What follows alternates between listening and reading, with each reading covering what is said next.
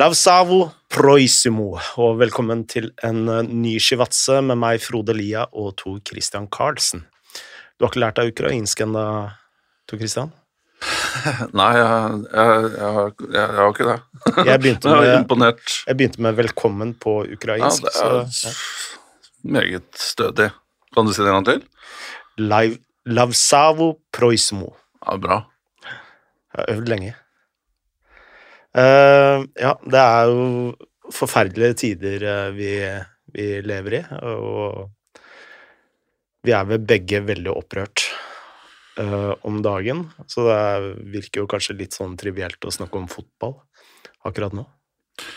Ja, det gjør det jo, og vi, men vi kan jo starte med litt mer alvorlige ting, da. Mm, og fotball er jo også en del av det, som vi vil komme inn på etter hvert. absolutt. Um, nei, som de fleste andre så har jo Sitter jo klistra til radio og TV og, og følger med. og Forrige podkast, så Det er vel akkurat en uke siden, da, onsdag, så var det opptrapping og, og mobilisering. Og, og natta til torsdag så, så gjør så gjør Putin Vi må jo si at det er Putin, det er jo ikke Russland. Det vil jeg på en måte Det er litt viktig, syns jeg, Mm, at det blir presisert, og det er mange som har gjort det selvsagt og gjør det hele tiden, at det er, dette er vel i hovedsak én mann sin ganske ekstreme plan, mm, og så rykker han inn, eller rykker eh, styrken inn, um, noe ingen hadde trodd kom til å skje. Så vi som er gamle nok til å huske Berlinmuren da, falt, vi var sånn mer eller mindre oppegående kanskje på den tiden da, eh, men um, det her er jo en Vi er jo vitne til en revolusjon. mm, Eh, og for min del, jeg har jo de siste 30 årene fulgt ganske godt med på Øst-Europa. Det har vært en del av på en måte min, min um, Ja, eh, reist mye der og hatt venner der og fulgt med mye på det, og derav Chivadze podkast og Georgia og um, alt sånt. Uh, men jeg, jeg, jeg tror vel at det er ganske opplagt at det kommer til å bli på en måte en verden før og etter det her. mm. Før og etter invasjonen av Ukraina. Absolutt. Um, og jeg er jo helt enig med deg uh, i det du sier om at dette er jo enmannsverk, og ikke russere. Um, og så det som bekymrer meg litt nå, det er hvis internett og YouTube og Google blir stengt ned nå, hvor uh, russere selv Jeg tenker jo at det er liksom kanskje vår beste mulighet for at uh, dette marerittet skal liksom ende kjapt. Det er at russere selv eh, begynner å ta opp kampen med Putin. Ja, og det, det har jo kanskje Eller det du sier der, er- har jo vært gangen i de fleste andre av de skal vi si, revolusjonene som vi har vært vitne til de siste, siste 30 årene. Det starter med Sovjetunionens, Sovjetunions fall, hvor, hvor det var Altså, man var avhengig av folket til å ja, men det, Der starta det vel litt med, med, med tomme hyller i butikker og Mm. økonomien krasja og sånne ting. Og det er jo det er jo også fort en konsekvens av det som de de sanksjonene som er pålagt nå. Men man får litt sånn vibber av Arab Spring, hvor det falt én diktator etter den andre i Var det 10-11 eller noe rundt der? 2011, ja. 11, ja. Kairo, ja. Um, Eller starta vel i Tunisia. Ja, det stemmer jo.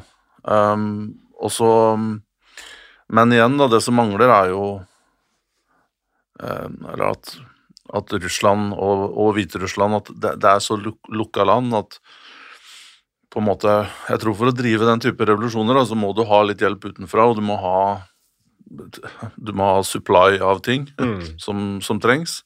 Og det har jo har det jo vært veldig eh, påpasselig at, eh, at eh, holdt på å si folk som oppvigleri da, ikke har vært mulig å, å drive med i Russland de siste i hvert fall 10-15 årene. Mm. Eh, men eh, altså det er, det er så mange ting her, og det er um, Det er så det er så nærme, og det er um, Jeg har som jeg har sagt, mange venner både i Russland og i Ukraina, og eh, ja. Har du snakka med noen av de? Ja, med sånn teksting og, og bare spørre om har det bra og, og sånt, da. Um, og, og, noen har kommet seg ut Ja. til Romania og, og Tyskland, um, henholdsvis. Um, men det, det, det, er, det er så mange ting her, og det er jo Men det, verste er også liksom å se den her, de scenene som er på grensene med barn og barn og mødre, stort sett bestemødre, og som tar vel med, med, med familiefedre og som må, skal ut i krigen, liksom. Mm. Det, det, akkurat det der er jo noe du trodde du aldri kom til å se i Europa i vår tid, da. At det var et tilbakelagt kapittel. Mm. Det er jo helt forferdelige scener å, å bivåne.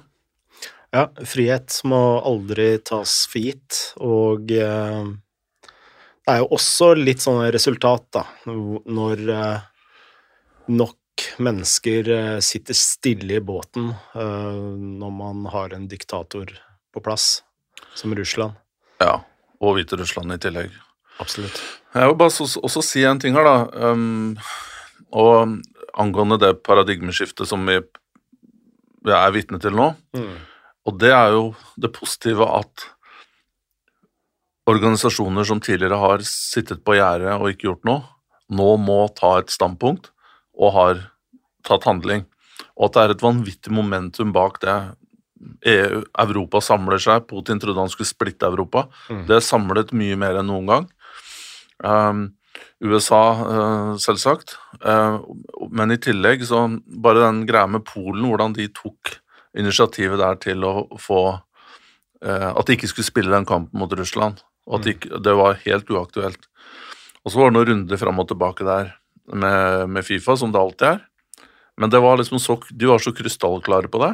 Og Lewandowski var tidlig ute der på sosiale medier og bare liksom nevnte at Ja, så kommer jo Fifa tilbake og sier nei, men dere må spille den kampen, men det skal være på en nøytral eh, bane og under eh, olympisk, holdt på å si, under nøytralt flagg. Men så sender jo Så kommer Polen bare tilbake og sier nei, det er helt uaktuelt. Vi skal ikke spille den kampen. Mm. Endelig så ser man på en måte at at man tør å ta standpunkt, ja. Ja, og at man tør faktisk å risikere, da, Qatar. Mm. Det kunne jo blitt konsekvensen for Polen. Men jeg bare syns jeg var helt fantastisk. eh, Kanskje banebrytende opptreden. Sergej Lavrov, utenriksministeren til Russland, eh, sa jo at eh, de var veldig forberedt på økonomiske sanksjoner, men det at til og med idrettsutøvere skulle bli utestengt, og at landslagene i fotball heller ikke skulle få spille sine kamper, det kom overraskende på Lavrov. Ja. Ja, og det sier jo litt hvor svake disse um, idrettsorganisasjonene kanskje har vært, da. Du, Mm. du kan jo dette mye mer enn meg, eh, Frode, og har dekka det i mange år. Flere enn aller fleste i Norge, vil jeg påstå. Men er dette Syns du dette at også Fifa har kryssa en Rubicon her, eller? Som Absolutt. Og. Uefa. Um, og Putin har jo vært en nær alliert både for Infantino, eller i større grad Infantino, men også til en viss grad til Sefrin. Uh, men uh, for å forstå Ta Fifa først, da, så har jo han uh, Infantino, da eh, Han har jo flere allierte, ikke sant. Han, man spiller jo på flere hester, så på et eller annet tidspunkt så er det nok hester som er imot Putin, og da må Infantino.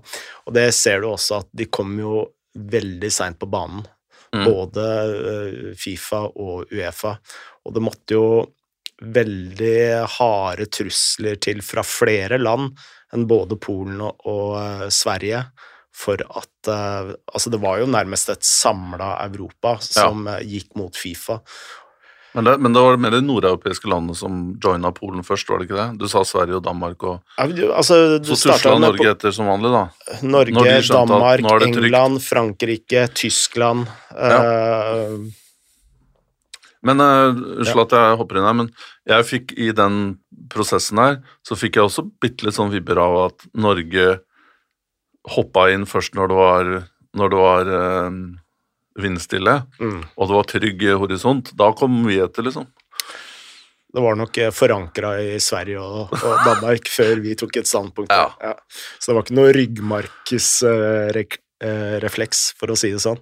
Eh, Men eh, for å forstå hvorfor det tok så lang tid før eh, Fifa og Uefa kom på banen, så handler det jo om På et eller annet tidspunkt så er det jo et tipping point, Ja. hvor eh, det er nok av eh, allierte som er da mot den lille parten som er Putin, og så ser man jo da at eh, når Putin da blir mer og mer iso isolert, så har jo ikke Fifa noe mer bruk for Russland Nei. mer.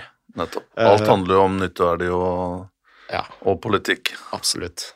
Så uh, bare for å ta Infantino uh, først, da. Det er jo Afrika han har sitt fulle fokus på nå. Ja, Ha kontroll på Afrika, som sikrer hans regime. riktig. Og det så vi jo i Cup of Nations, og han, Ja. han var uh, veldig prominent på tribunen der. Men det er jo helt riktig du sier, Frode, at det er dynamikken der hvor, som du sier, tipping point, som man ser med veldig mange andre ting, at det er litt som den derre eh, Superligaen Mm. for et, cirka et år siden. Da ehm, Da igjen Det var Chelsea som etter press var først ute og, og meldte seg ut, var det det? Jeg trodde det var City, ja, men eh, det var kanskje Chelsea. Ja, det var en av de to, men det spiller ikke så veldig stor rolle. Det er, det er ikke poenget her, men det var mulig å være City. Ja, det var Manchester City, du har rett. De var først, først ute der. Og så tror jeg det var Chelsea, eller, eh, og da var det liksom bare sånn konkurranse. Ikke bli råtne som er det siste rotta til å forsvinne skipet. Ja. Og da ble sittende igjen, da var Real Madrid og Barcelona og Juventus Mm. som ble sittende igjen liksom Men de andre var liksom bare sånn Rekke og rad, da. Nå er det trygt. Og nå er det mye større PR-gevinst å hente, og omdømme på å hoppe ut enn å bli. Mm. Det er den verden vi lever i nå. Altså, det er, altså Når det gjelder Russland, så er det jo positivt. da. Altså Det er jo positivt at på en måte, er, nå er det et momentum, og jeg tror det er dynamikk som gjør at det ikke er noe vei tilbake nå. Mm. Uansett hva man kommer fram til. Jeg tror, Nå skal ikke liksom, jeg innbille meg at det er høytstående diplomat eller politiker, men jeg har i hvert fall da fra mannen på gata-ståsted, så er det vanskelig for å se at eh, gjennom fredsforhandlinger eller våpenhviler eller videre, at Putin kan at, han, at verden kommer til å fortsette sånn som den var. fordi disse sanksjonene er jo ikke bare noe du letter på over natta. De sanksjonene de kommer jo mest sannsynlig ikke til å lette før eh, hver eneste soldat er ute av ja. Og Putin Ukraina. er borte. Ja. For det, han har gjort det nå tre ganger, mm. og kan gjøre det igjen, ikke sant. Og nå, nå er det på en måte såpass stor konsensus om at dette her aksepterer ikke verden, den type oppførsel, og, Mm. og da må du bare, bare backe ut. Til og med Kina har gitt den en eh, kald skulder nå. Så, Ja, og det var vel ikke forventa. Eh, Men det har jo fått en del eh, konsekvenser eh, for fotballen i Europa for øvrig. Altså Før vi satte oss ned her nå, så kom nyheten om at Jeg har ikke fått det bekrefta noe, noe sted, men det ser jo ut som det er holder ryktene om at Abramovic har lagt ut Chelsea for salg. Og han vil ha da tre milliarder pund, og det er vel litt mer enn 30 milliarder norske kroner omtrent. Ja, Um, 35 ish. ja. og han skulle jo uh, putte eierskapet til Chelsea over uh, såkalt Stew uh, til hans charitable organisasjon. Mm -hmm. men der har han visst møtt motstand, for de som satt i styret der, ville ikke ta imot Chelsea, fordi de var redde for at de skulle bli dratt med i dragsuget til Abramovic. Snakk om at folk forlater skipet når det er på vei ned. Eh, så nå er Chelsea da lagt ut eh, for salg, og eh, det, det har jo to, to forskjellige Eller to, to um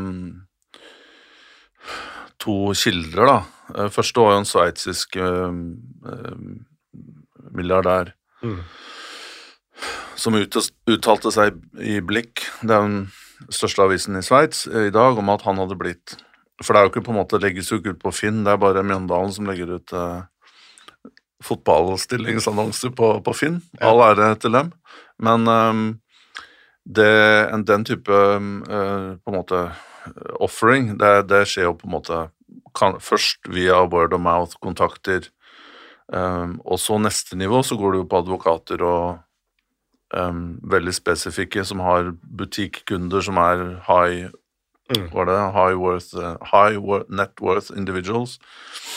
Um, men jeg tror ikke det er på det nivået der ennå. Det er bare liksom board of mouth uh, som, har, som har spredd seg. Men uh, denne sveitseren hadde i hvert fall fått fått uh, forestilt da, foran seg at han å, kjøpe Chelsea for den summen du nevner der, Frode. Og han sa på sin side at det var interessant, men han måtte ha med seg eh, andre eh, partnere, og at prisen var altfor høy. Mm. Um, I tillegg så, har jo, så skylder jo Chelsea jeg tror det er 1,5 milliarder pund til Abramovic. Mm. Så er jo spørsmålet hvordan den gjelda der Holdt på å si Hva som skjer med den oppi alt her, da. Mm. Men Kan, kan jeg bare ja. nevne en ting? Og så kommer det vel stadion Fremtidige stadionutgifter fordi de skal bygge ny stadion? Ja, akkurat det tror jeg ikke er 100 uh, Klarlagt? Closed. Mm. Um, altså, så vidt jeg forstår, da, og det kan godt hende jeg ikke er 100 oppdatert her, det er ikke noe jeg har satt meg så veldig dypt inn i, men jeg husker det var en del snakk om det her for en del år siden. Um, og, og, det er jo det, Konklusjonen er jo at Stamford Bridge er ikke Det er jo ikke mulig å, å utvikle. Mm. Altså, det, det, er for lite plass der, det er for trangt rundt der. Um, samtidig så er jo Stamford Bridge prime uh, property i uh, Kensington i England. Det er jo vanvittig uh, verdi på, på den eiendommen, men samtidig så tror jeg Chelsea fotballklubben, da, den som holder lisensen til Chelsea, tror jeg eier matta, mm. gresset, altså det området der skal spilles. Så alle disse tingene her gjør det veldig komplisert. altså Hvis du skal bygge ut eller på en måte utvikle Stamford Bridge på det området hvor det er, så tror jeg du må, være, må du bygge ned mm. kapasiteten. Mm. Og det er jo ikke nødvendigvis helt utenkelig i London, at du kan bygge ned til 25 000 og så bare ta 150 pund oppover for billettene, og bare kjøre litt sånn, sånn VIP-opplegg som Juventus planla å gjøre med den eh, stadion deres. Um, men i hvert fall så er jo dette her en uh, Du tar over det, disse dilemmaene her, da. Uh, fordi Stamford Bridge på en eller annen måte må, må um, Altså det vil framtvinge en eller annen, eh, en eller annen beslutning, enten at du oppgraderer Stamford moderniserer på en eller annen måte, eller at du bygger en ny stadion. Men da blir det jo ute i Surrey eller altså mm. For det Og det vil jo være utrolig upopulært, da. Mm. For den ligger jo der den ligger, og det er jo en av på en måte liksom Det som gjør Chelsea-supporterne ekstra stolte, er at de kan ha en stadion like ved Sloane Square og Kings Road, liksom. Mm. Det, det, er jo en del av hele, hele narrativet til Chelsea-supporterne. Mm. Uh, bare en kjempedigresjon. Altså, jeg så The Invincibles uh, Eller ikke The Invincibles, Invincibles. Arsenal-versjonen? Uh, ja, altså en dokumentar om Wenger og, og Arsenal. Da. Og det slo meg at Og dette sier jo også Wenger og flere at mye av sjela gikk vekk også når de bytta stadion. Uh, og uh, nå ser man jo også at uh, Arsenal også har problemer med å liksom fylle, fylle stadion. Så, jeg, så, så den der tanken om at de må bygge en ny stadion pga. å øke matchday revenue og Jeg kjø, kjøper ikke kanskje hele den, det narrativet der, da. Nei, men... det, det, må kunne bygges en stadion der den er, bare Eller utvide uh, seating, da. Uh, der de holder til nå. Jeg kan ikke fatte noe annet. Nei, men det får du jo ikke til det, det kommer ikke til å gå i på Stamford Bridge. Det er allerede trangt. Og det er, hvis du går der, så er det jo på en måte liksom bare Du har kanskje 10-15 meter klarering til fra stadionveggen Mm. og til den murveggen som på en måte avgrenser området til Chelsea. Det er ikke noe mer, og, så er du rett ut på, på vei, og du er rett inn i andre bygg og sånne ting, så den ligger jo der klemt inne. Eh, Og derfor så ser jeg at eneste muligheten er å bygge den ned litt, men å gjøre det liksom skikkelig VIP-staselig opplegg, men det er jo Men hvem vet om supporterne vil gå den veien der. Nå tror jeg bare sånn by the way at Arsenal får jo fylt den stadion der når man er tilbake i, i vanlige tider. Um, og Highbury er jo litt i samme situasjon var jo da. Jeg bodde jo like ved der, så jeg kan jo Vi bodde der en gang. Like ved der. Ja, jeg ko- koser meg glugg i. Vi bodde, vegg, vi bodde på gamle stadion, vi, i en leilighet der. Vi bodde i stadionet Ja, i en, rett og slett. Ja. Eh, Men jeg eh, bare si litt om verdsettelsen da, på 30 milliarder, eh, litt over 30 milliarder norske kroner. Altså de gikk på et rekordtap i 1920-sesongen. Eh, Mye på grunn av Og i England så regnskapsfører de fra 1. mai til 1. mai. Mhm. Så det er ikke første første. Så der er det jo en del av covid-restriksjonene også inne i de tallene der. Men Uh, altså det regnskapsåret der, så gikk de 1,5 milliarder i minus. Ja. Og da hadde de investert ganske heavy i tillegg. Men da kommer jo Champions League-trofé og sånn noen uker etterpå, Mm. som er verdt mye. Um, Lurer på om det er 40-50 millioner. Ja. Bare det. Men vi kan jo gå tilbake til Abramovic der, da. Og det andre som er interessant, det er jo Han har jo også blir sagt eh, Og dette er jo Jeg siterer han Chris Bryant, som er Labour MP, eh, som hevder da at eh, flere av eiendommene hans har også blitt lagt ut for salg, blant annet den store mansion i Kensington som skal være verdt borti 100 millioner pund. Mm. Um, den, så det som virker klart her, da altså Først, som du nevnte, at de har overført det de kaller stewardship of the club. Litt sånn uklart akkurat hva det er. At det er De i all hastverk overførte det til denne Charity Foundation-folka. Mm.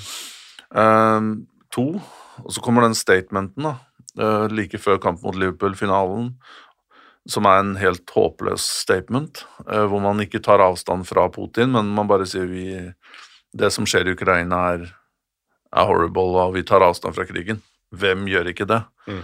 Eh, altså selv holdt på å si folk i Dumaen i Russland eh, er på en måte syns det er grusomt med krigen. Men det kommer liksom, det kommer et men her, hvis du på en måte fortsetter å snakke. Men her var det liksom bare to setninger. Her er det jo tydelig at, at Abramovic og folkene rundt han frykter sanksjoner. Mm. Um, og ellers så ville jo ikke ha gjort disse her veldig dramatiske, kjappe uh, trekkene som han har gjort.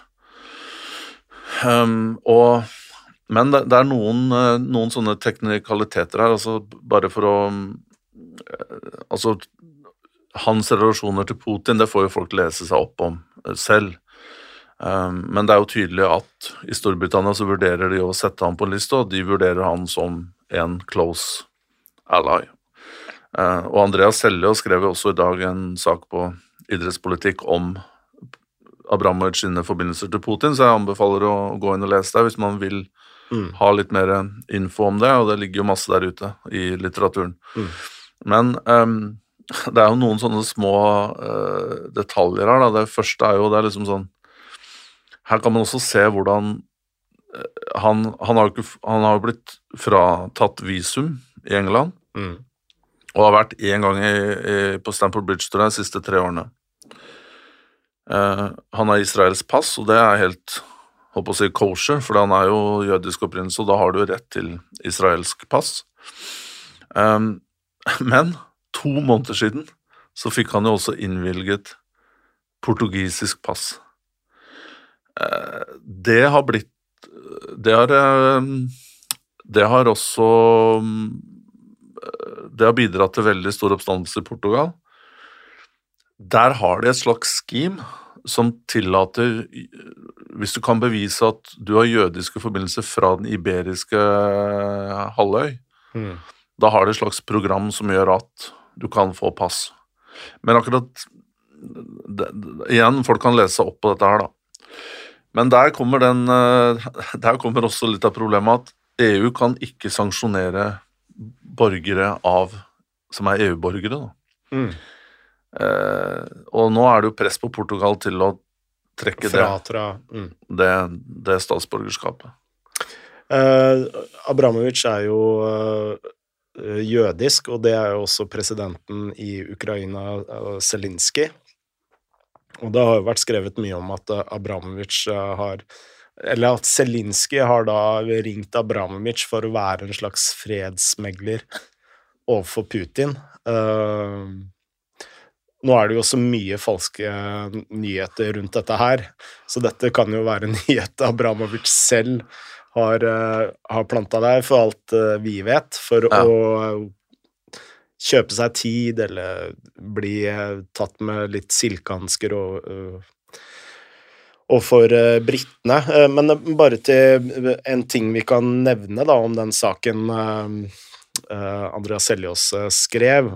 Uh, fordi det har jo kommet en bok som heter Putins People, som, hvor det har vært en rettssak mellom forfatteren av denne boken og Abramovic rundt en påstand om at det er Putin som nærmest ga Abramovic en ordre Mm. om å kjøpe, kjøpe Chelsea. Så Men uh, det har ikke kommet noe endring. Altså, det kom en, en en settlement -hmm. i den saken, men uh, den faktaopplysningen er fortsatt ikke endra i den boka. Jeg tror du måtte legge inn bare et eller annet der om at det var en contested Ja. påstand. da. Ja. Um, men det, altså her det, det, Noe jeg syns er veldig sånn fascinerende her, da, det er jo litt forlengelse av det vi var inne på tidligere. Det her med dynamikk og dyna, altså Når først ting begynner å rase, Mm. så, så, så slår ting i så mange forskjellige retninger at du på en måte Alt kan skje, da. Mm. Og altså, hvem ville trodd at og så, Sånn er det med revolusjoner, at liksom, ting blir dratt inn der som du trodde at ikke kom til å få noen, eh, noen eh, effekt. da. Um, men jeg, jeg tror vel sånn Bare for å snu på det, så vil jeg jo påstå at altså, hvis du liksom bare ser det helt isolert, uh, og, og bare tar liksom helt uh, helt sånn kynisk Ikke kynisk, men helt bare sånn objektivt blikk, da, så må jeg jo si at Abramovic har vært en, en god eier Mm. av Chelsea. Eh, han, han har jo altså, dratt den klubben opp fra Tok det fra Ken Bates um, 20 år siden cirka akkurat. Og da var liksom klubben bare sånn hele tida sånn wobbly. Ok, det var litt satsing der med Gullet og Vialli og disse Le Buff, og det, det hadde kule lag, ikke sant, med Sola og sånn. Men økonomien var alltid litt sånn shaky, og man visste ikke helt på en måte om Det var veldig ustabilt, da. Mm. Og spesielt da med Ken Bates, som hele tida trua med å kjøpe andre klubber og var sånn veldig sånn løs kanon. Um, og altfor outspoken i media, men, men Abramovic har jo på en måte kommet inn, investert hele tiden, eh, og egentlig holdt en ganske lav profil. Og de jeg har snakka med, som har vært i Chelsea og jobba i Chelsea, sånn, har jo de, de har jo ikke kanskje hatt så mye direkte kontakt med han, men de har hatt med på en måte hans system og folk gjør. og det har jo um, De som har vært der, da, har jo satt pris på å jobbe i Chelsea, så vidt jeg, så vidt jeg forstår. Eh, Bare for å avslutte litt om, om eh, Abramovic, så er det jo sånn at eh, når Putin kom til makta, så gikk jo han til krig mot oligarkene. Og det, det blei jo satt på spissen, da. Enten så føya du deg, eller så blei du eh, satt i fengsel, eller eh, fikk du noe gift i teen din eh, etter hvert. Eller så måtte du bare forlate landet og Ja. pakke sammen og, og bryte alle bånd med, med Russland. Så det å snakke om Ambramovic som en slags alliert til Putin, det tror jeg vi skal være litt sånn forsiktig med. For det er i så fall kanskje en alliert med en pistol til hodet, da. Ja, men som sagt, det, her, her må jeg bare henvise til litteraturen, og folk må lese seg opp selv. Ja, og det, det, tror jeg, det tror jeg er verdt å gjøre, da. Mm, Å sø søke forskjellig informasjon, og så får man avgjøres litt her selv ut fra den informasjonen som er, som er tilgjengelig. Men det er jo klart, både jeg tror USA og, og, og Storbritannia, de, de, de, de opererer jo med på en måte de, de som kommer med disse listene, de har jo også Intel som gjennom etterretning og, Mm. og sånne ting som ikke vi har tilgang til. Mm. Så det er jo klart Og min oppfattelse, da, det er jo at når, som jeg sa tidligere, at Abramovic gjør så mange moves i løpet av så kort tid, så tyder det på at han, eller folkene rundt han, han har jo et, på en måte et hoff av advokater og rådgivere og high level people som bare jobber for han. Og det er klart at de må ha gjort en tanke om at dette her kan faktisk skje. Mm. Det, ellers hadde du ikke gjort dette her. Eh, Vi har fått et spørsmål fra Lasse Myrholm, og han eh, lurer på Vil søkelyset på oligarker og skitne penger i fotballen føre til at man tar ett skritt tilbake og ser på eierskap innen fotballen på nytt? Vil dette potensielt være første lille skritt på vei til noe større? Det er veldig vanskelig å si, eh, tenker jeg. Eh, ja, det er veldig vanskelig å si. Altså er, akkurat nå så er det altfor mange baller oppe i lufta til å liksom kunne lande det, men eh, vi skal jo snakke litt om ting eh, senere. Altså det er jo fotballting her i Norge lørdag og søndag, og der har det kommet et forslag fra Vålerenga fotball om at eh, Norges Fotballforbund skal på prinsipielt grunnlag eh, ikke sende landslag på treningsleir til eh, land som bevisst bryter menneskerettighetene, og det samme med å eh, ta imot sponsorater fra, fra også land som eh, Eller bedrifter som eh, bryter menneskerettighetene.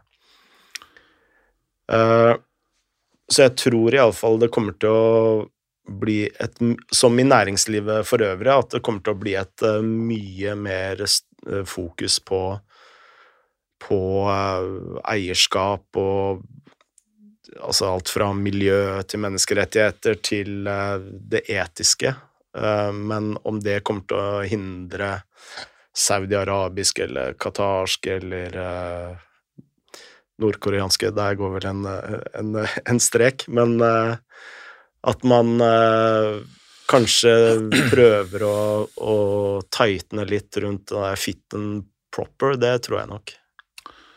Ja, jeg, jeg er enig, og det er jo bra at det, det er bra at det er et grasrotoppgjør, og at, at det reflekteres mer rundt av verdier. Um, um, det, det, det er bra. Um, det er klart, jeg for min del, og her må jeg bare være åpen, og, for det er sikkert mange som lurer på det her, og jeg, jeg har jo på en måte eh, litt skin in the game, da. Altså at jeg har levd av å holde på med fotball i, i en del år, og jeg har jobba både for russisk oligark, altså eid klubb, Monaco, som jeg var eh, um, Som jeg var eh, direktør der, og, og, jeg, og jeg har hatt eh, Og jeg har hatt kontrakt med, med Zenit, som er eid av Gazprom. Um, og så er det jo sånn spørsmål hele tiden at det er klart vi Og jeg, jeg, Altså for min del så um, Jeg Og så er det enkelt å si jeg er ikke en politisk person, og det vil jeg, vil jeg si at jeg ikke er. eh, spesielt jeg stemmer ved valget, osv. Og, og jeg vet eh, jeg vet rett og galt, um, stort sett. Men det er veldig vanskelig å Jeg tror for øh, Når alt kommer til alt, så holder jeg på med fotballeder eller vært scout, fotballmanagement, da. Mm.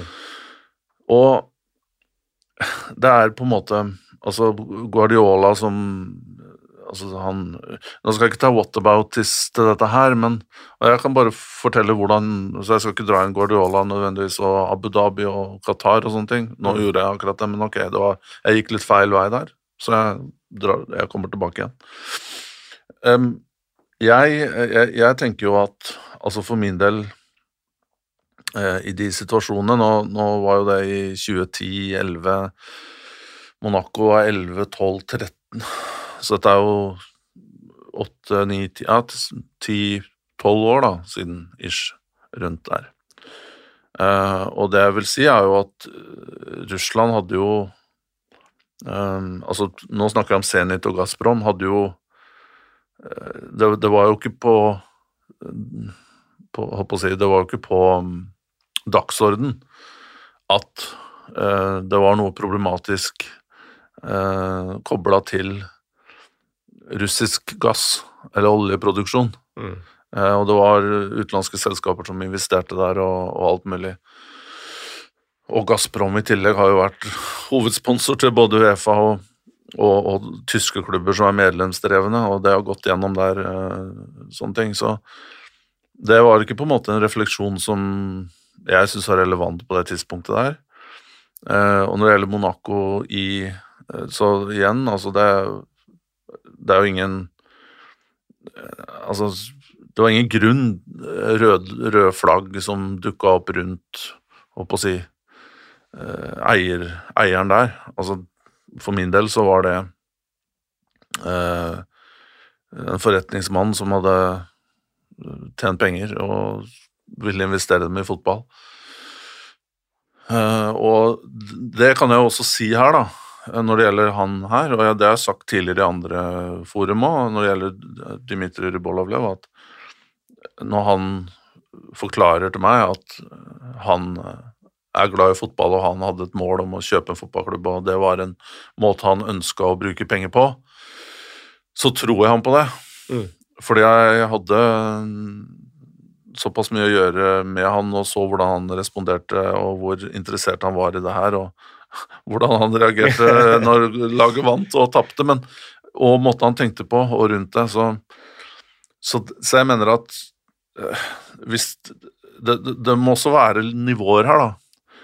At på en måte hvis det er Hvis du hadde spurt meg, da, Frode, om ok um, En eller annen uh, Ja, si Newcastle, da. Med, med Saudi, saudi-arabiske staten om Altså hypotetisk, om de hadde tilbudt meg meg noe, hadde jeg Jeg vet ikke. Det er fall Det er klart man må reflektere over det. Mm. Um, men jeg tror som Og her, her må du gjerne Jeg vil gjerne høre din mening. Jeg, jeg mener jo som fotball Jeg, jeg har vært i Saudi-Arabia og på en måte hadde ok opphold der i noen uker, men eh, det er ikke et land jeg ville dratt på ferie til hvis jeg kunne velge andre steder. Mm. Men jeg Og det er jo veldig mange som jobber der, nordmenn i oljeindustrien og sånne ting. Um, så er spørsmålet mitt, da, og som Hvis dette er ditt levebrød, du er i fotballen, enten du er spiller, eller om du er leder, eller om du er trener, eller Så mener jeg at du må resonnere på en litt annen måte enn supporter, da. Det syns jeg er, er, er min konklusjon, da. Mm. Men det betyr ikke at det går en grense, ikke skal gå en grense. Jeg tenker jo Thomas Tuchel nå, um, og jeg ser jo han er jo veldig stressa nå. Jeg syns han ga gode kommentarer i forkant av den cupfinalen, hvor, hvor han faktisk innrømte at den situasjonen i Ukraina uh, går innpå dem. Mm. Det syns jeg var fin ting eller åpen ting å si, for det kunne godt liksom bare avfeid det. Så har jo dette her fått enda mer momentum, og i går, så tror jeg før den pressekonferansen før den cupkampen som er i kveld, tror jeg, mot Luton eller hvem det er, så sa han da Så mista han litt besinnelsen og Han mista besinnelsen, men uh, ikke på en sånn sint måte, på en uh, eh, høflig måte, da. Ja, ja, altså, jeg tenker mer sånn øh, Han virka skal jeg si dette her? Det er en sånn uh, emosjonell Altså, det Det var ikke sinne, det var sånn ren frustrasjon, fordi han er spalta inni seg. Det var sånn jeg tolka det. Ja. Ja. Og han sa vel bare rett og slett at jeg spør meg om fotball. Ja. Og, og der er jeg faktisk litt uenig med. Jeg ser mange journalister har liksom sagt nei, men du, du er mer enn bare en fotballtrener. Du er representant for Abramovic og by, Sportsvaskingsprosjektet by Ja, hans. og by extension Putin. Det syns jeg er å trekke det bitte litt langt. Ja. Og jeg mener jo at en fotballtrener altså Hadde dette vært et annet land, f.eks. Italia eller i, i Tyskland eller Frankrike, så hadde du ikke spurt treneren om sånne ting. Der mener jeg en daglig leder eller eh, administrerende direktør skal inn og svare på de spørsmålene. Det er mitt, min personlige mening om det. Men Tuchel har jobba både for altså PSG, Qatar Mm. og nå i Chelsea da med, med, med Abramovic. Um, men det er som sagt Jeg mener vi må ha Vi, vi må ikke miste helt grep, da. For det er en fare for at man blir uh, tendensiøse òg, da. Og det er en eh, vel så stor uh, fare uh, for å Liksom eh, for den offentlige diskusjonen rundt disse tingene der, så må vi tillate gråsoner, da. Dette er ikke svart og hvitt. Og vi må kunne diskutere uh, prinsipielt, det er jo én ting. Mm. Men samtidig nyansene her, da. Og eh, Ikke for å, å skape deg litt sånn what about it, men du er jo vegetarianer, ikke sant? Mm. Uh, jeg tror du ville hatt uh, eh, problemer med å bli sportsdirektør i Blackburn under Wenchis. uh, ikke for å latterliggjøre uh, symbolene, så det handler jo litt om uh, kyllingprodusent, da. Ja. kyllingprodusent. Så det handler jo litt om hvilket ståsted man har i verden for øvrig òg. For de som er veldig opptatt av miljø, så vil jo én ting, men øh, øh, være noe vi, Altså, det vil være viktigere for en da, enn andre ting. Um, og når Abramovic tok over Chelsea, så var jo også Putin en helt annen enn det han er i dag. Jeg sier jo ikke at eh, Putin eh, alltid har vært en Nei, renhårig Og det er et veldig godt poeng. og det er jo at eh, dette har jo vært en sakte, men sikker utvikling fra å være ganske ille til å være helt forferdelig.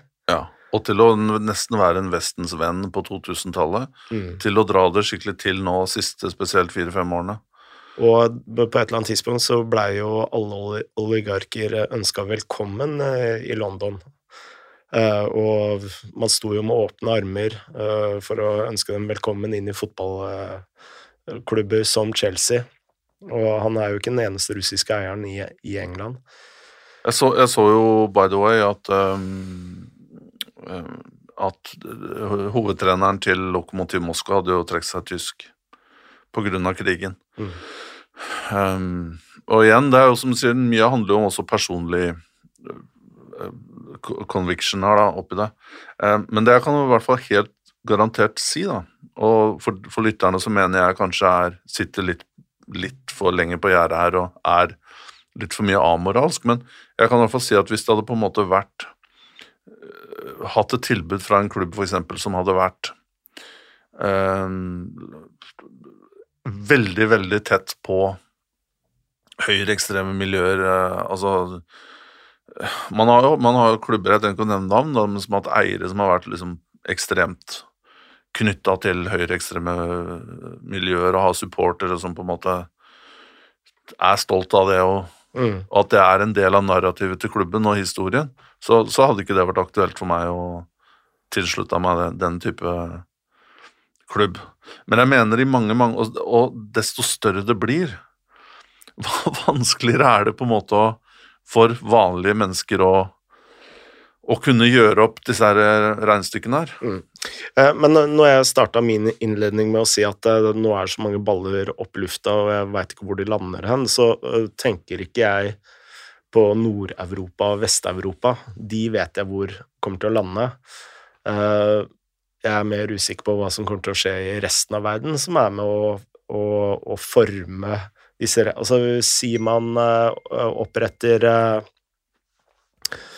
et fit and proper-opplegg generelt for Uefa, da, Mm. så utgjør både Tyskland, Skandinavia og England fortsatt kun en liten del av det kontinentet. ikke sant? Du skal ha med deg Ungarn, du skal ha med deg mange andre medlemsland som ikke ser på dette. Serbia, ikke sant? som ikke ser på dette på samme måte som oss. Mm.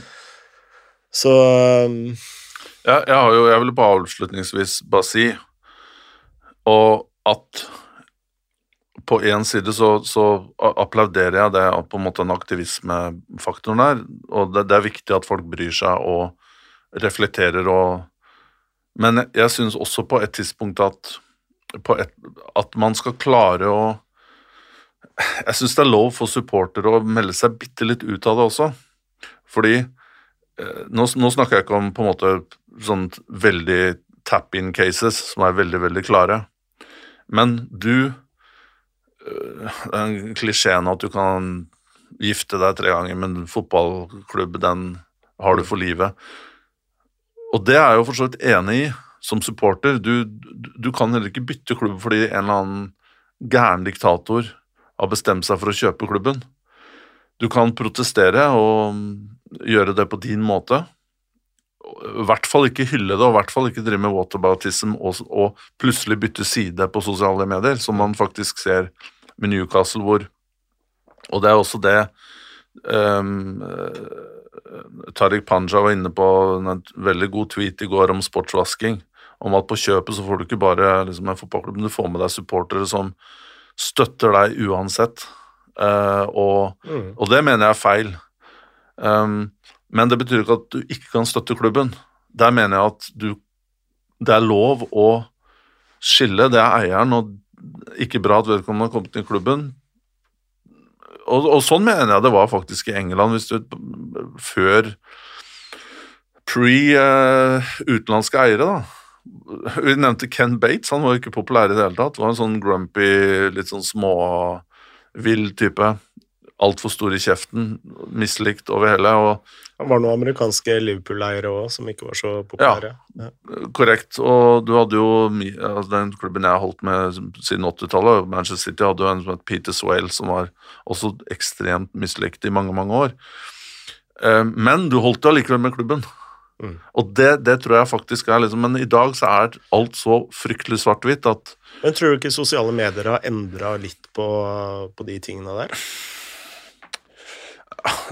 Altså, første tror jeg sosiale medier Ja, litt sosiale medier, men også litt sånn Trump har gjort mye mer skade enn det vi tror. Altså, alt Det er han som har dreid ting inn på det sporet med at alt At gråsoner og middle ground ikke er Du kan ikke oppholde deg her lenger. Enten så er du på den fløy, eller så er du på den fløy, og hvis du er i midten, så er du liksom mm. Så er du fritt vilt. Ja. Det mener jeg er ikke positiv tendens, da. Mm. Uh, ja. Nå ble det veldig langt uh, kapittel om det her, men uh, Vi må komme oss uh, litt videre. Ehm, og vi har fått veldig mange spørsmål om én kamp. Én norsk NM-kamp mellom Ålesund og Bodø-Glimt hvor uh, kampdatoa har blitt endra uh, for uh, å gjøre det enklere for Bodø-Glimt ute i Europa, som har uh, europacupspill. Ålesund på sin side har mange skader og covid, og truer med å trekke seg fra kampen eller stille med en rekke juniorspillere. Lars Arne Nilsen er uh, harnisk, uh, og det er også Det er ikke ofte. Uh, det er Han er lugn. Nei, han er ikke lugn. Ja, ja, man er sånn utad stoisk. Ja, men altså, jeg har sett han på treningsfeltet, og det er absolutt ikke stoisk. og jeg gjorde et intervju med han for en del år siden, og han snakka om dette med vinnerskalle, da. Altså, han ville jo se alle sine medtrenere, liksom at blodårene sto ut av panna. av, eh, det var liksom vinnerkultur eh, for han, så ja, um... Han er sint nå. Nå er han sint. Lars Arne. Eh, og vi har jo fått eh, mange spørsmål på hva som er eh, vår take eh, på det. Vil du gå ut eh, høyt her, eller? Først? Altså Min første tanke, da, det er jo generelt altså, I Europa så har man jo egentlig litt sånn to skoler. Du har den engelske skolen, hvor uh, fotballforbundet ikke bryr seg om Og Premier League. Uh, nå tenker jeg både på cupkamper og Premier League, så derfor både Premier League og, og FA ikke bryr seg om uh, uh, internasjonale kamper i det hele tatt, i da Europaliga og Champions League. Mens i Spania og Italia eksempel, så legger man jo veldig til rette for lagene ved å endre på kamptidspunktet. Og det, det tenker jeg at eh, er en veldig god ting, fordi europaspill for norske lag betyr enormt mye. Altså I siste episode så snakka vi om eh, dette med plassering på um, Uefas eh, club ranking. Der ligger Norge nå på en 14.-plass. Hvis vi klarer å komme oss opp en eh, 11.-10.-plass, så vil det bety eh, eh, i hvert fall kvalik til eh, Champions League. Direkte kvalik, altså, til Ja. Champions League. Og hvis vi har bare ett lag der inne, så vil det skape så masse inntekter for resten av Eliteserien eh, at det vil ha en enorm eh, løft for eh, norsk fotball. Vi husker jo alle de årene Rosenborg var i Champions League, hvor mye eh, de inntektene der spredde seg også på resten av eh, lagene, i form av at de robba alle lagene for de beste spillerne. Ja.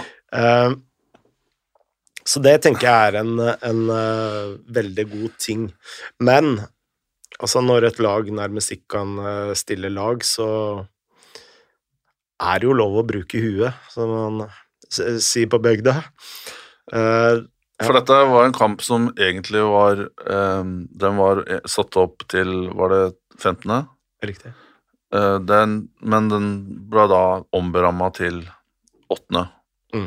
Altså, den ble flytta frem, da. Ja. Eller tilbake. Det er sånn evig debatt om hva er riktig å si der, men fra 15. til 8. Mm.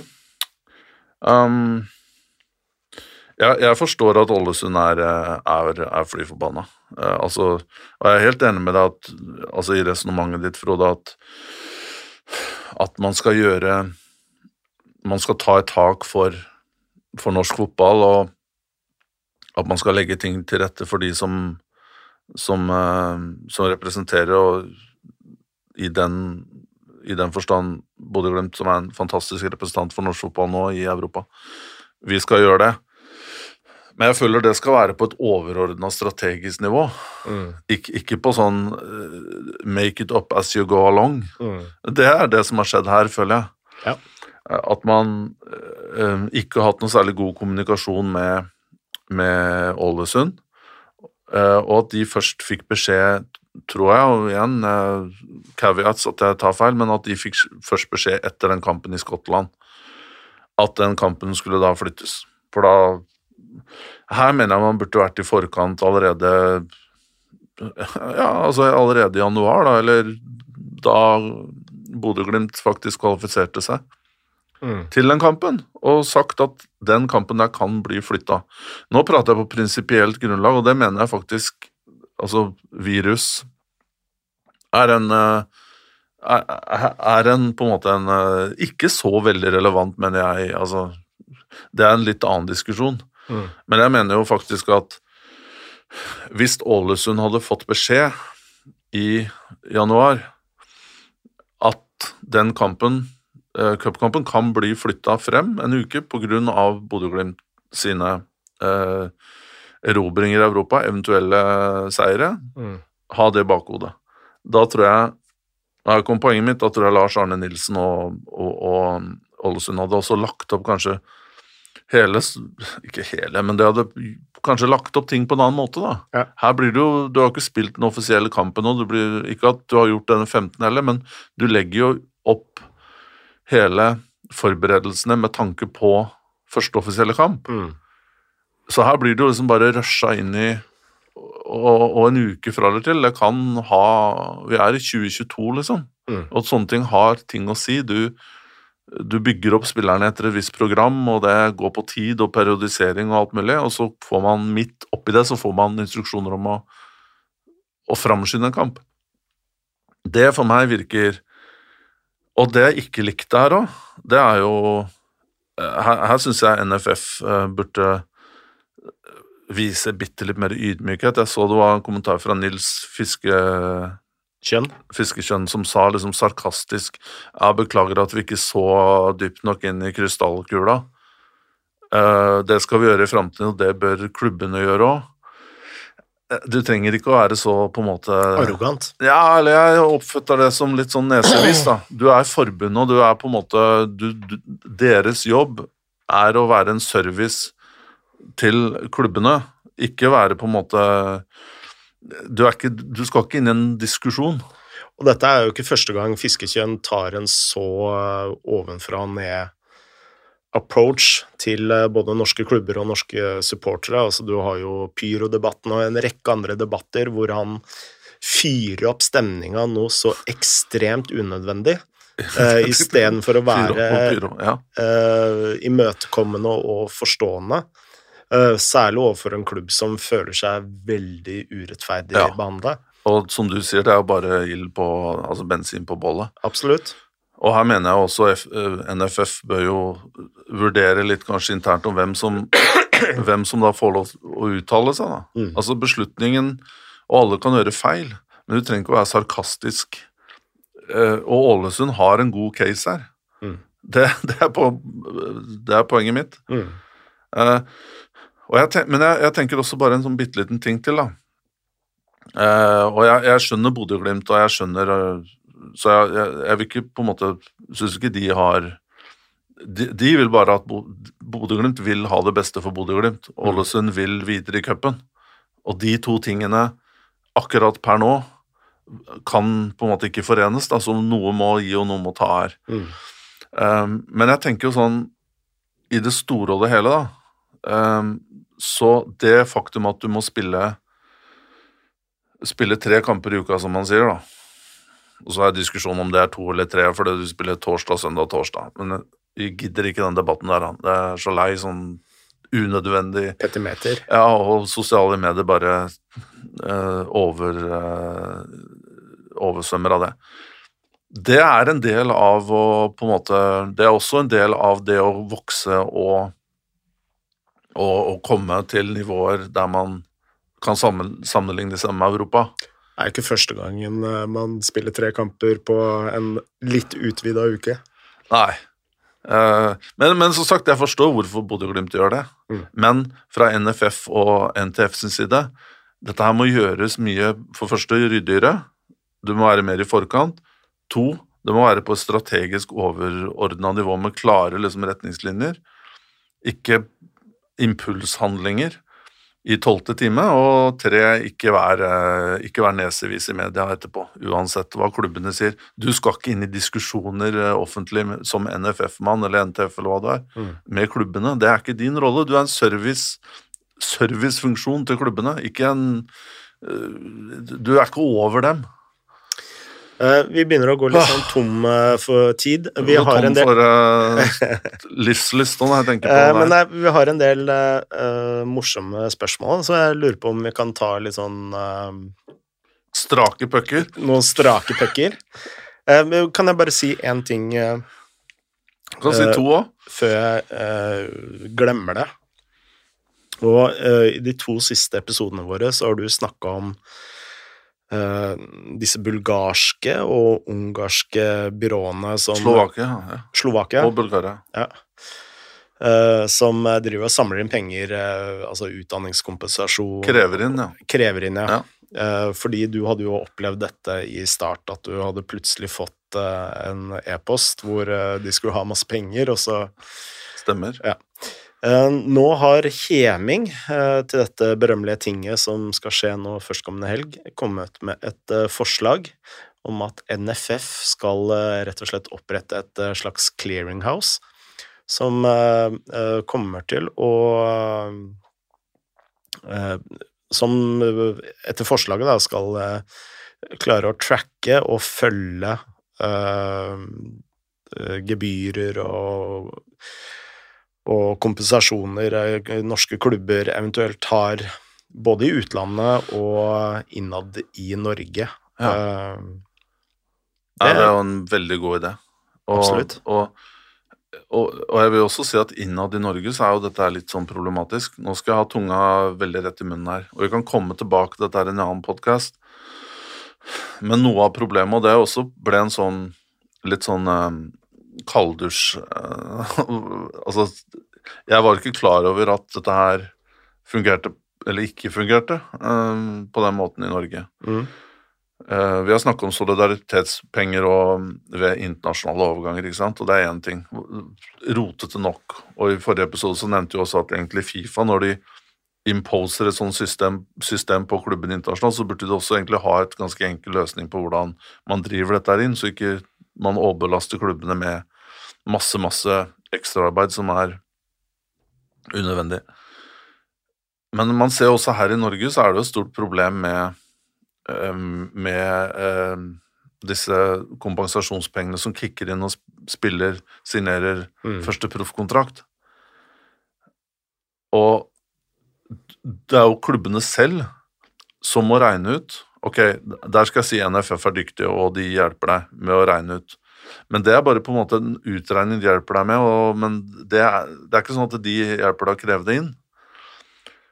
Og i mange tilfeller så hører du ikke La oss si du er en ganske La oss si du er Vålerenga med masse, masse altså stort akademi, eller om det er Stabæk, eller om det er Rosenborg, eller Eller Heming i dette ja, som også er en stor breddeklubb, eller KFM. Så du er mange spillere da, fra Er det 13 de starter? 13, ja. Ja, og mange, mange gutte- og juniorspillere som etter hvert kommer ut. Og du har ikke mulighet til å følge med når disse her signerer proffkontrakter i andredivisjon eller tredjedivisjon eller eh, sånne ting. Ok, du kan Men jeg tror det er litt mer for store klubber, da, som på en måte eh, For Heming så er det kanskje litt enklere å holde oversikt over spillere som signerer i andre. Da. Det er ikke, med all respekt, det er ikke så mange som kanskje blir elitespillere, da. Det er noen som ender opp i serien òg. Ja da, det er det, og det, jeg, det var ikke sånn ment. Men poenget mitt er at det er veldig vanskelig å Altså, det, det er klubber i Norge som signerer proffkontrakter med spillerne, Mm. og så rapporterer de det ikke inn. De sender ikke inn kontrakten, eller hva de gjør, eh, og de, de, de oppdaterer det ikke i fikssystemet, sånn at det står at den spilleren har blitt profesjonell. Mm. Sånn at, eller at du får en varsel, da. Sånn burde det vært et eller annet system på. Du må selv du må drive og chase og prate med spilleren, og du må prate med kanskje agenter og, og lederne i de andre klubbene som ikke vil gi deg informasjon, fordi de skal unngå å betale disse 20 30 40 50 60 Det kan være opptil 100 000, ikke sant? Mm. Så for meg så er dette her en helt utmerket forslag. Som, og, og jeg trodde da jeg kom til Norge at det allerede var i At noe sånt eksisterte. Mm. Bra. Uh, er du klar for uh, tre-fire litt sånn kjappe spørsmål-svar? Ja. Uh, Martin Asgaard han spør hva må Eliteserien helt konkret gjøre for å bli like attraktiv som svensk og dansk liga? Bortsett fra artistskatt, tolv lag i Eliteserien Uh,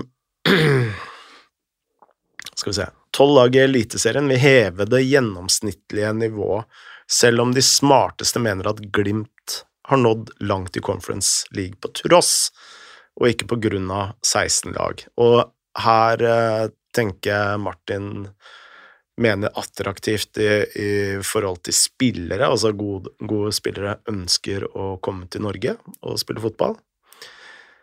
Uh, Det her skulle være kjapt. dette skulle være kjapt, ja. det var ikke ja-nei-spørsmål. Vil du Har du noe Ja, altså det, det enkle svaret på det, det er jo at eh, da må jo norske klubber øke inntektene sine, og det gjøres eh, gjerne eh, på tre ulike måter. Enten så må liksom alle fotballstadionene fylles opp, så du har en en uh, større andel kampdagsinntekter, og kampdags Det er veldig mange som sier at i Norge bør vi senke prisene på billetter, sånn som de gjør i Tyskland. Men i Tyskland så utgjør kampdagsinntekter en mye mindre prosentvis del av de totale inntektene enn det de gjør i Norge. Så du vil få større utslag, altså et større inntektsfall, da, Uh, hvis du uh, senker inntektene så sant du ikke klarer å øke antall på uh, tilskuere tilsvarende, da.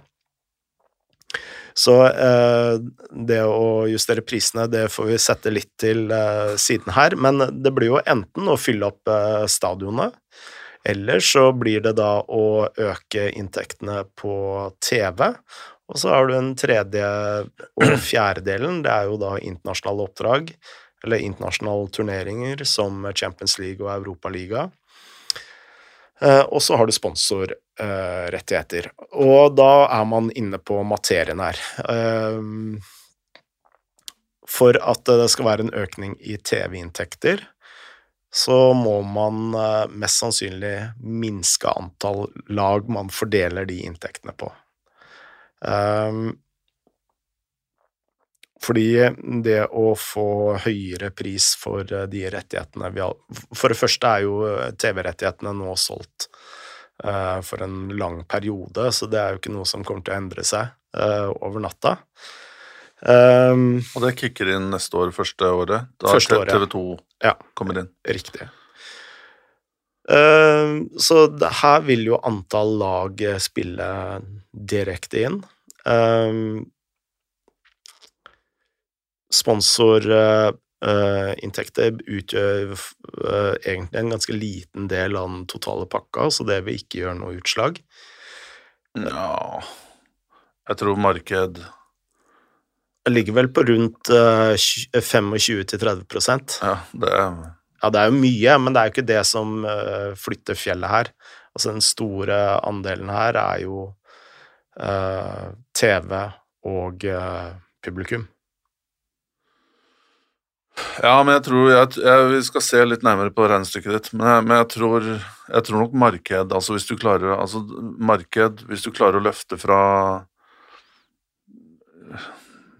Hvis du klarer å løfte en klubb som er på Men alt henger jo sammen her, ikke sant? Mm. Altså hvis Du klarer å, du kan ikke løfte en klubb på Du kan ikke kreve marked skal øke fra 20 til 30 millioner. Um, 50 eh, hvis du ikke har et produkt. Nei. Og det er greit med god mat i VIP-boksene, og kanskje man tillater øl og vin og, og, sånne ting.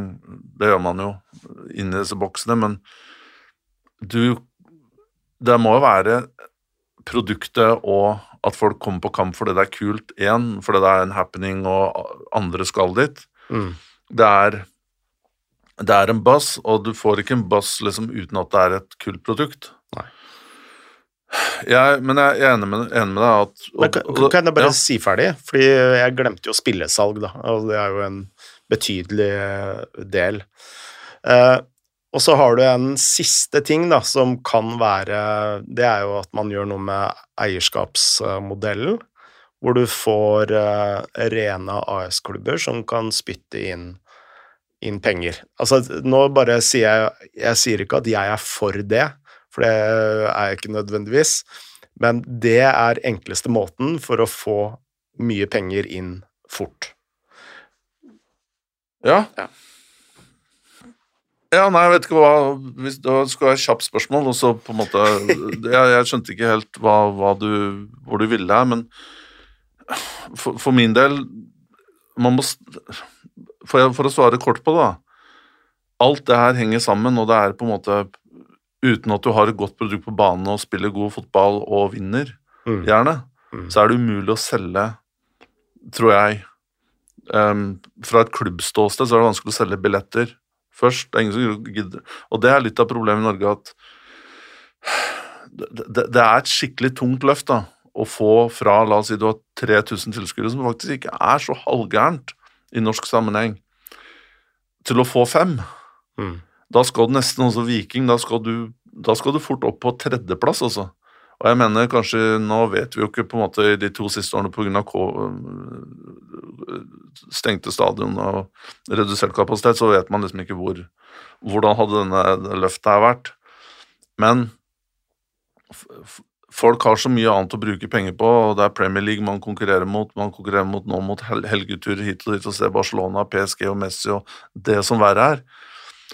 Så, eh, jeg, så jeg tror det, hvis, det, hvis jeg skal svare på én ting, så tror jeg at ok, kanskje det er veien å gå med at man får eh, bedre eh, At man får mer likviditet inn i klubbene ved hjelp av eksterne investorer. Det kan være en, en vei å gå. Det bør i hvert fall utforskes. Og så kan man se på dårlige prosjekter som, eh, med investorer, man kan se på gode prosjekter med investorer. Man kan se på dårlige prosjekter, Brann rykker ned som medlemsklubb, og man har klubb, eh, medlemsklubber som vinner serien. Mm. Det her har ingenting med modellen å gjøre, om lag lykkes eller ikke. Det er altfor kompliserte problemstillinger til at folk liksom bare skal bastant si at det er fordi klubben er medlemsstyrt, så går det bra, og fordi det er investorer, så går det ræva. Eller vice versa. Mm. Men når alt kommer til alt, så må spillelønningene opp. Én, for å slippe å selge spillere til Kypros og Ungarn og eh, C-liga rundt om i Europa. Vi må klare å holde lengre på spillerne, norske spillere, først. Hvordan gjør vi det? Ved at de tjener bedre, og at det er kulere å spille i norsk fotball, og at det er mer kompetitiv. Litt som type Sverige. Mm. To, um, som du var inne på i mitt hode uh, Eller hvis man har uh, bedre spillønninger, så får man også bedre utenlandske spillere inn. Og klarer også å beholde dem lenger før de stikker av. Må starte der.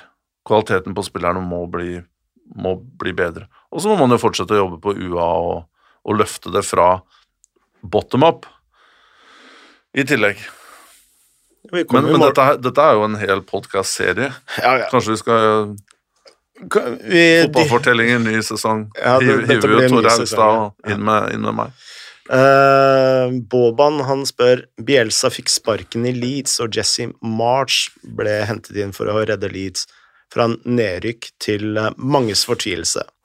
Hva tenker dere om å gå bort ifra Bielsas system, som har blitt øvd inn i nesten fire år, og hvordan tror dere Premier League-avslutningen under den nye treneren blir?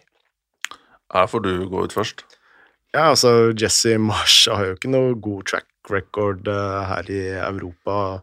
Med RB Leipzig, iallfall. Uh, eh, han var i Salzburg først, ikke sant? Ja. ja. Men uh, det er vel et uh, par knepp opp til Bundesliga og, og, ja. og, og Premier League. Ja. ja. Hva er Bielsa? Gråter du tårer nå, du som er sånn Bielsa, Bielsaista?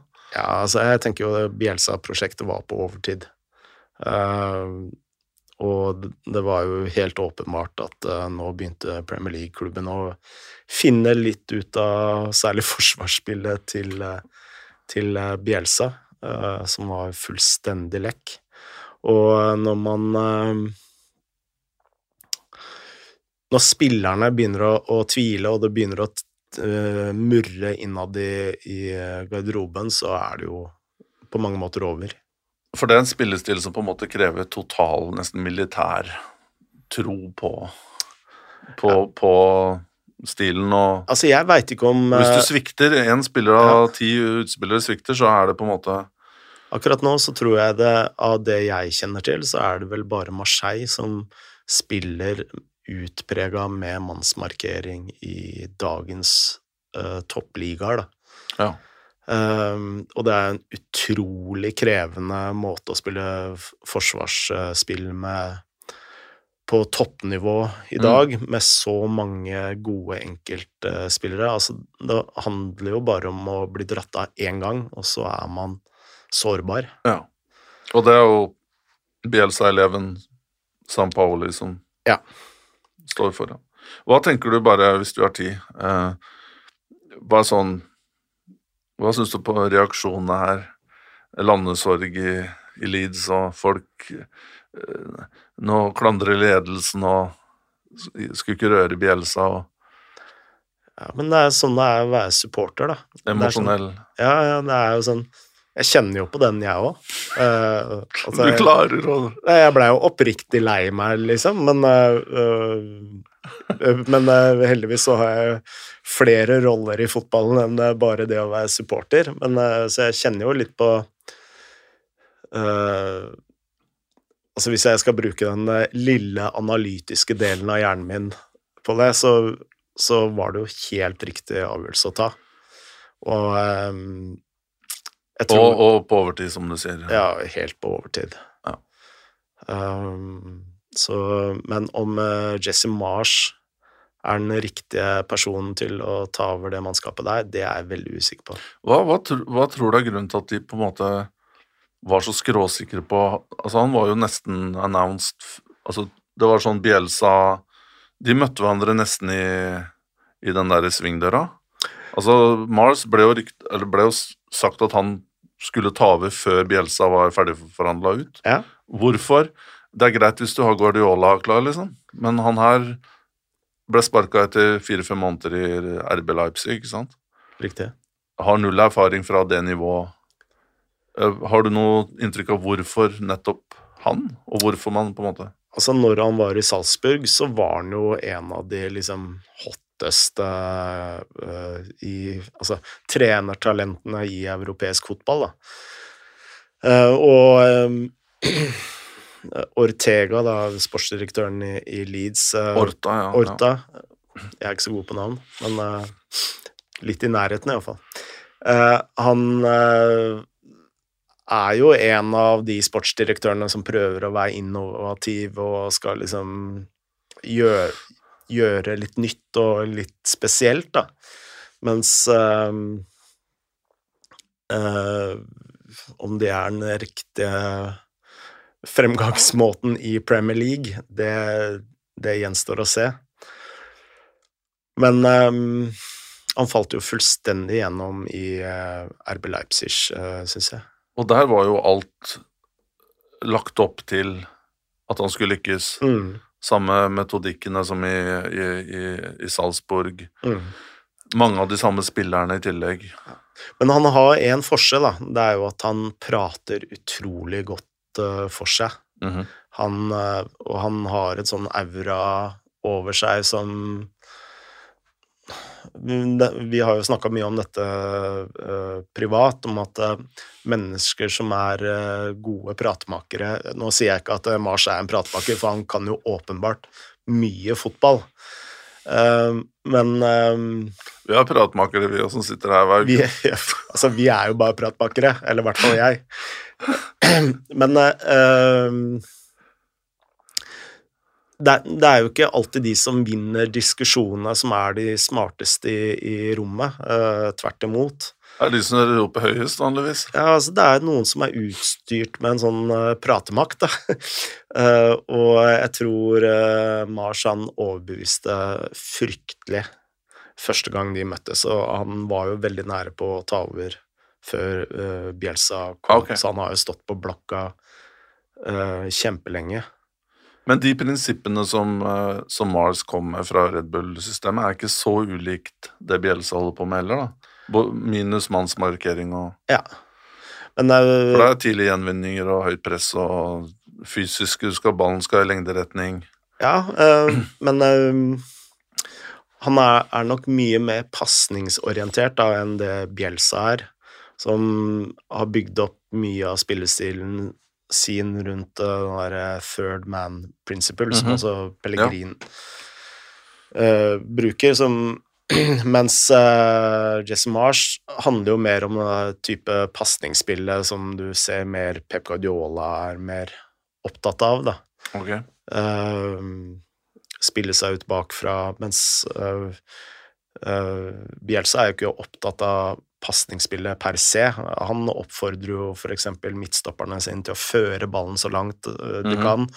Uh, bare ballen kommer opp på banen, så er det liksom pri én. Det er ja. ikke et sånt et uh, Som et uh, pasningsspindelvev, da. Mm -hmm. Som Ja, eller flytte på motstanderen og være, ja. tålmodig, være tålmodig. Og. Riktig. Positional play. Ja. Så, så, det er noen veldig nyanser der. Så, så jeg vil jo egentlig hevde at Mars er jo nærmere Klopp Ja. enn Bjelse. Ja, ja, ja, det gir mening. Bra. Skal vi ta et uh, spørsmål til? Ja.